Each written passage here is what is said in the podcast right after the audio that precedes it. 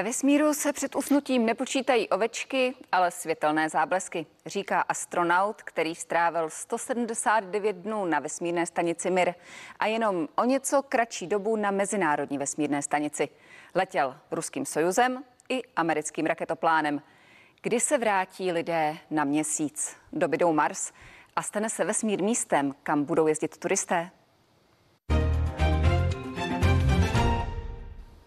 Mým hostem je německý astronaut Thomas Reiter. Dobrý den. Guten Abend, Frau. Zdravím vás, dobré odpoledne, paní Vintrová. Jaký se vám vybaví pocit, když si vzpomenete na svůj první let do vesmíru?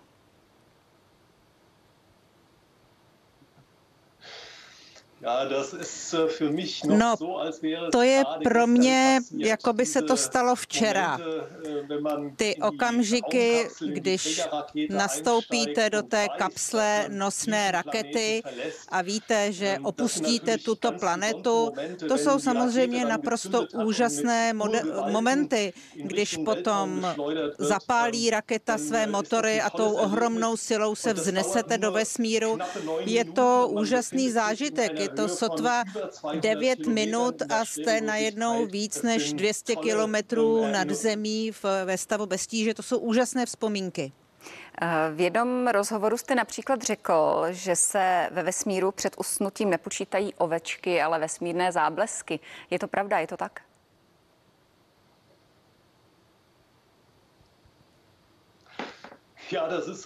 Ano, ano, to je pravda. Ähm, Äh, Když äh, tam nahoře äh, vypnete světlo, zhasnete a zakryjete okna a pak je teda opravdu úplná tma, tak najednou vidíte, že vidíte takové záblesky, někdy jsou to tečky, někdy jsou to proužky, někdy je to bílá, někdy je to barevné, zelené, červené, modré. A místo oveček, když člověk nemůže spát, může pak počítat tyhle záblesky. Ty vycházejí z kosmického záření a pak se skvěle usíná. Jaký je život na Mezinárodní vesmírné stanici? Jsou problematické nějaké běžné věci pro nás tady na Zemi normální?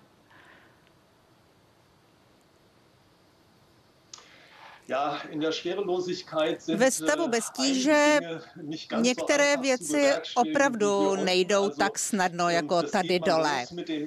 To začíná jídlem.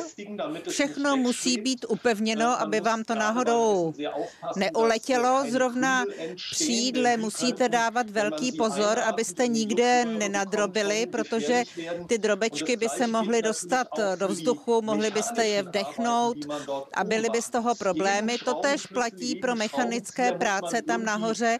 Každý šroubeček musíte mít upevněný aspoň gumičkou, aby vám to neulétlo. Samozřejmě se i tak někdy stane, že vám uletí nějaký kus nářadí a pak si představte, že všichni okamžitě musí začít hledat, dokud tu věcičku nenajdeme. A vy za sebou máte i výstupy do volného prostoru. Vybavíte si, co vám proletělo hlavou, když jste poprvé do volného prostoru vystoupil?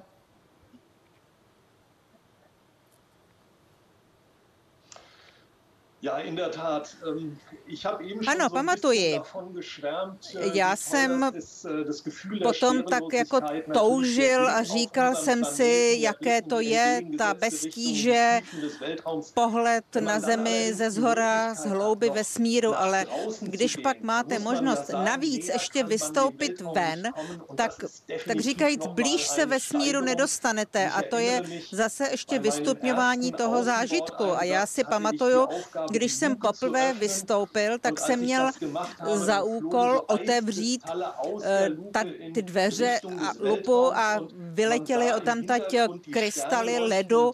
Viděli jsme eh, svítit hvězdy a ty ledové krystaly, které tam kolem se vznášely. To byl naprosto ohromující okamžik. Bohužel v tu chvíli není moc času si to užít, protože na člověka čeká spoustu práce. Hned musí musíte ven a pustit se do práce. A měl jste strach?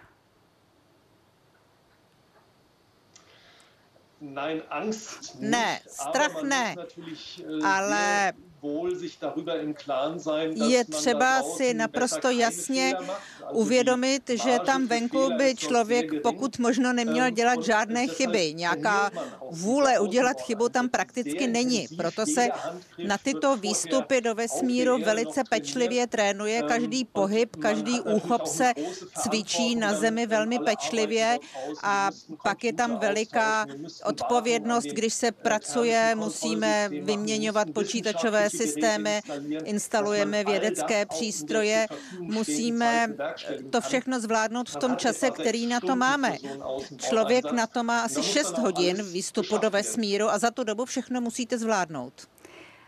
Vy jako jeden z mála astronautů máte zkušenost eh, z vesmírné stanice Mir i z mezinárodní vesmírné stanice. Eh, můžete je porovnat?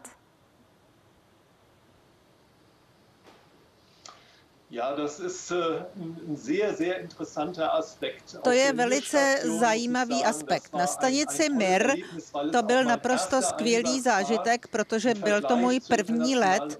A ve srovnání s Mezinárodní vesmírnou stanicí to tam bylo trochu stísněnější a způsob, jakým jsme tam provozovali vědecké výzkumy a vědeckou práci byl trochu jiný, protože všechny vědecké experimenty, které jsem tam prováděl, jsem musel nejdřív vybudovat to zařízení, uvést do provozu, udělat experiment a zase to eh, rozebrat a uklidit. Na ISS, na Mezinárodní vesmírné stanici, je daleko víc místa. Je to prostorově pohodlnější.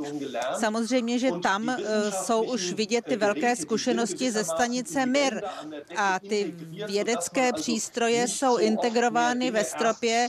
To znamená, že nemusíte začít tím, že si postavíte tu aparaturu a pak jdete na práci, ale vlastně přistoupíte k přístroji, zapnete ho a můžete hned eh, začít pracovat a pustit se do toho bádání. A můžete porovnat i let ruským Sojuzem a americkým raketoplánem? Vy jste zažil oboje.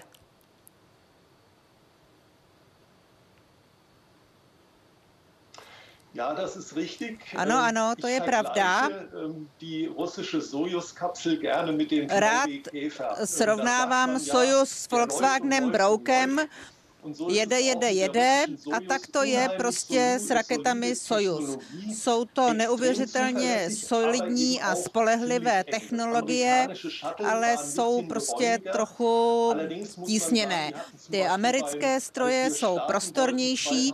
Třeba když jsme v roce 2006 chtěli startovat, tak se start musel dvakrát přerušit, protože se blížila nějaká bouře a to v případě Sojuzu, což je velice robustní robustní stroj prostě nenastává. Na jedné straně tedy máte spolehlivost a za to trošičku menší komfort, na druhé straně máte trošku větší komfort, ale musíte prostě akceptovat, že se něco přeruší, vy se musíte odpoutat a holce začne druhý den od začátku znovu. Říká astronaut Thomas Reiter.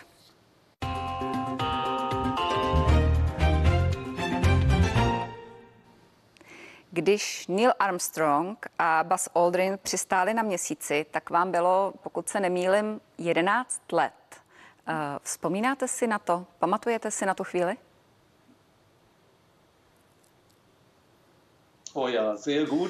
Pamatuju, pamatuju, velice dobře pamatuju. Tatínek mě brzo ráno vzbudil, šli jsme k sousedům.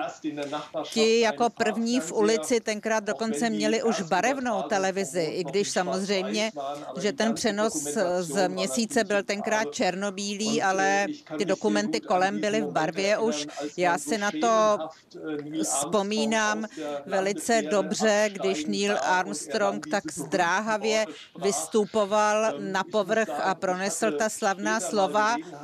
Musím říct, že jsem i později v životě měl příležitost se s Armstrongem osobně seznámit a asi si umíte představit, že to pro mě byl úžasný okamžik. Za prvé, když mi bylo těch jedenáct a koukal jsem na to a po desetiletích, kdy už jsem měl svůj první let do vesmíru za sebou, tak jsem se s ním osobně setkal.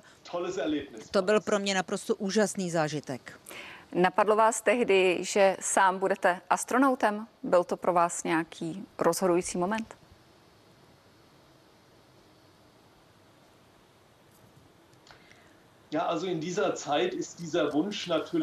V té době se samozřejmě to přání objevilo, ale že by to opravdu mělo klapnout, to bych si neuměl tenkrát představit. Musím přiznat, že když jsem dodělal školu, tak jsem si říkal, že šance stát se v Evropě kosmonautem je zanedbatelná.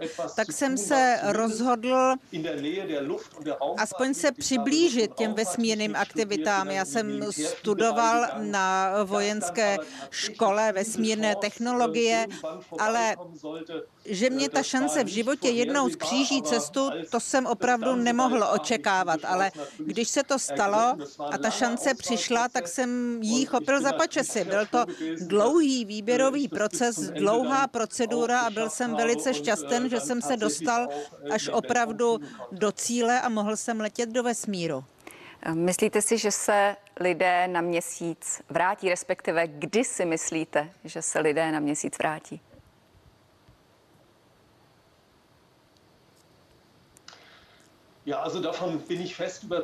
Jsem o tom pevně äh, přesvědčen, že ano. My v Evropě se účastníme programu NASA, na kterém se podílí i kanadská agentura, Japonci, částečně i Rusové. Budujeme pohonný model pro kapsly Orion a nepochybuju o tom, že zhruba po polovině desetiletí zhruba tak jak to řekl minulý americký prezident do konce roku 24. Asi to bude těžké, ale řekl bych, že do konce tohoto desetiletí lidé opět došlápnou na povrch měsíce. A víme, že díky té evropské účasti na programu NASA budeme mít tři místa pro evropské astronauty nebo astronautky a proto jsem opravdu pevně přesvědčen o tom, že koncem tohoto desetiletí nebo nejpozději na počátku příštího desetiletí budeme mít evropského astronauta či astronautku na měsíci. Vy jste zmínil, že nějaký z astronautů došlápne na povrch měsíce. Eh, jaký je váš názor na možnou stavbu základny na měsíce? Jak daleko je například tato doba?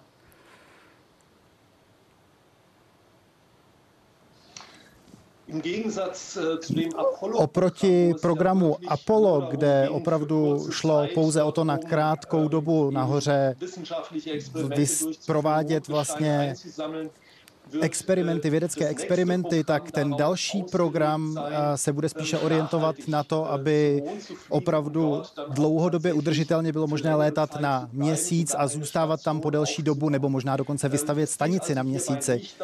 Eh, nejde tedy jenom o to říct, abychom se, že jsme se znovu dostali na měsíc, ale jde o to, abychom opravdu byli schopni na, míst, na měsíci zůstat a využívat eh, zdroje, které jsou k dispozici. Například víme, že na polech měsíce měsíce se vyskytuje voda, respektive led, a možná najdeme i další zdroje, které budeme moci využívat. A to by samozřejmě mohla být fantastická příležitost pro vědecké zkoumání vesmíru. A samozřejmě by to bylo ideální startovací místo pro další cesty do hloubky vesmíru. A abychom se mohli podívat dále do našeho slunečního systému, protože, ale musíme počítat s tím, že na měsíci je pouze šestina, šestinová, šestinová tíže, takže se na to musíme odpovídajícím způsobem připravit. Mluvil jste o tom, že by se jednou lidstvo mohlo podívat dále než na měsíc. Jaký je váš názor na možnou cestu na Mars? Je to reálné za současné technologie?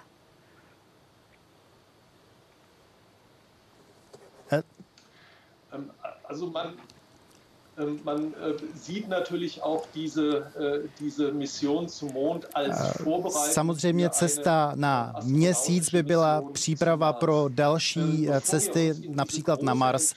Pokud se podíváme na tu obrovskou vzdálenost, tak je samozřejmě zapotřebí mít dostatečnou technologii. Musíme mít jistotu, že všechno bude fungovat tak, jak má. Už jsem hovořil o tom, že bychom měli využívat případně na měsíci zdroje, které jsou k dispozici. A tam musíme mít opravdu jistotu, že všechno bude fungovat tak, jak má. A pokud to tak bude, tak přijde doba na to, aby lidé, abychom mohli vyslat lidi, lidi směrem na Mars. například Lunar Orbit, Orbital Platform, to znamená měsíční, měsíční orbitální platforma, to je něco, co připravujeme, aby jsme ji mohli vyslat směrem k měsíci a ta by měla fungovat v podstatě jako taková přestupní stanice pro případnou cestu na Mars. Takže jsou to všechno aktivity, které spolu souvisí a nejde jenom o to, abychom se vrátili zpátky na měsíc, ale jde i o to, že se postupně připravujeme na to, abychom mohli vyslat astronauty směrem na Mars. Říká astronaut Thomas Reiter.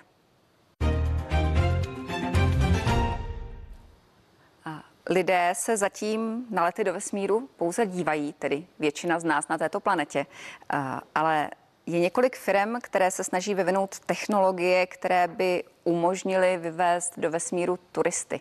Jak daleko si myslíte, že je tato doba, kdyby si každý člověk nebo obyčejný člověk mohl splnit, splnit svůj sen?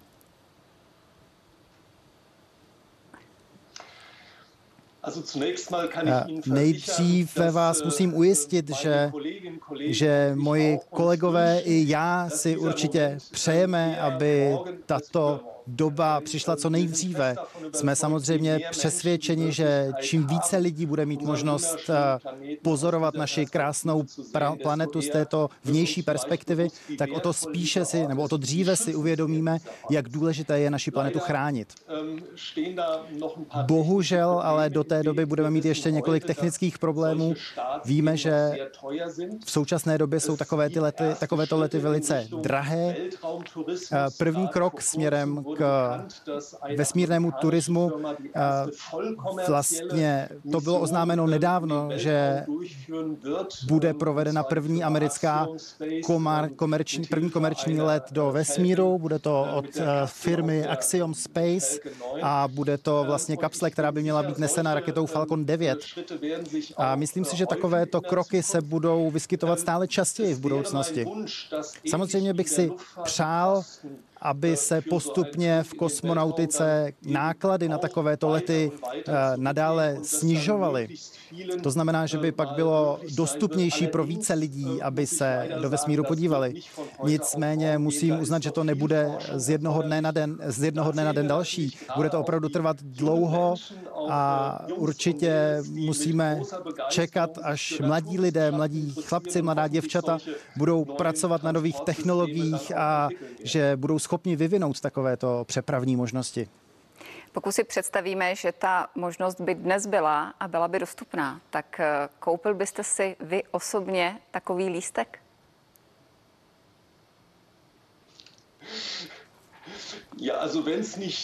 A kdyby to nebylo tak drahé, tak bych si to samozřejmě velice rád pořídil. a měl bych opravdu velkou radost, kdybych například mojí ženě mohl tento výhled umožnit, nebo i svým dětem, protože mám dva syny a oni o tom, o tom ode mě už hodně slyšeli, ale samozřejmě samozřejmě to sami neviděli. Ale myslím si, že ty náklady, tak jak jsou dnes, tak by to bylo opravdu pro mě nepředstavitelné. Takže kdybychom si měli představit, že bychom všechny naše úspory, kdybychom vůbec tolik peněz měli, měli dát na to, abychom se proletli do vesmíru, tak to bych dnes určitě ještě neudělal. Ale až to jednou bude levnější, tak bych si to opravdu dovedl představit. Uh...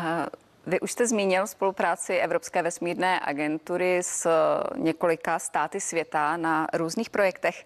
Myslíte si, že tato spolupráce je dostatečná?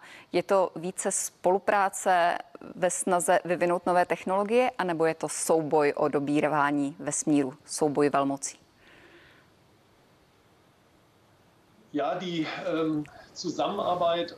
Spolupráce na mezinárodní eh, stanici je opravdu skvělá, funguje velice dobře a do určité míry je to opravdu průkopnická, průkopnická věc v rámci mezinárodní spolupráce. Eh, to samé platí pro naše vědecké mise, kdy my jakožto Evropané, eh, to znamená východní i západní Evropa, spolupracujeme.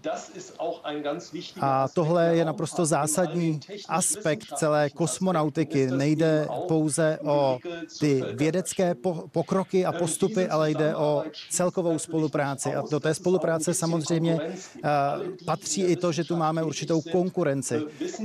A, a samozřejmě všichni vědci tuhle tu zdravou konkurenci a soutěživost znají. Samozřejmě, když vždycky jde o to, kdo přijde první s tou dobrou myšlenkou, kdo bude schopen rozklíčovat různá tajemství a tak dále. To znamená, zdravá, zdravá konkurence je dobrá. Složitější je to samozřejmě ve chvíli, kdy ta soutěživost je hnána trochu jinými aspekty a jinou motivací. A právě v těch oblastech, o kterých jsem hovořil, tak myslím, že tam se nám daří profitovat z té dobré a zdravé konkurence.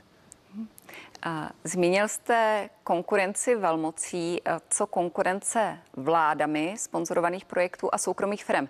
Jaká je podle vás v současné době pozice právě soukromých firm při dobývání vesmíru, při vývoji technologií?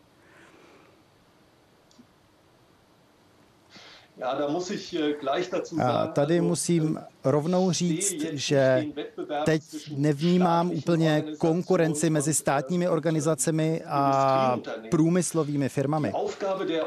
Úkolem Evropské kosmické agentury je, abychom došli průmyslově a technologicky tak daleko, abychom byli schopni vytvořit biznisový model, obchodní model, a tam, kde jsou příliš velká rizika pro privátní sektor, tak tam je právě úkolem státu, aby financoval vývoj nových technologií. V současné době Evropská kosmická agentura, nebo v posledních letech Evropská kosmická agentura velice dobře spolupracovala se všemi členskými státy a my máme opravdu velký zájem o tom, aby se tato ekonomika vázaná na kosmonautiku a na objevování vesmíru, vesmíru, aby rozvoj satelitních a telekomunikačních technologií opravdu postup, aby ten rozvoj postupoval co nejrychleji a rozšiřoval se a abychom mohli pomáhat tam, kde to je jenom trochu možné. Nejde tedy pouze o to, abychom rozvíjeli konkurenci, ale jde i o to, abychom pod podpořili eh, naše, naše členské země v tom, aby byly sami schopny rozvinout ty příslušné technologické kompetence. Říká Thomas Reiter, který byl hostem dnešního pořadu k věci. Děkuji za váš čas. Sehr gerne. Ich wünsche Ihnen alles Gute. Také děkuji a přeji vám všechno nejlepší. Hodně štěstí. Mějte se hezky. To je z dnešního pořadu k věci vše. Příjemné sledování dalšího vysílání CNN Prima News.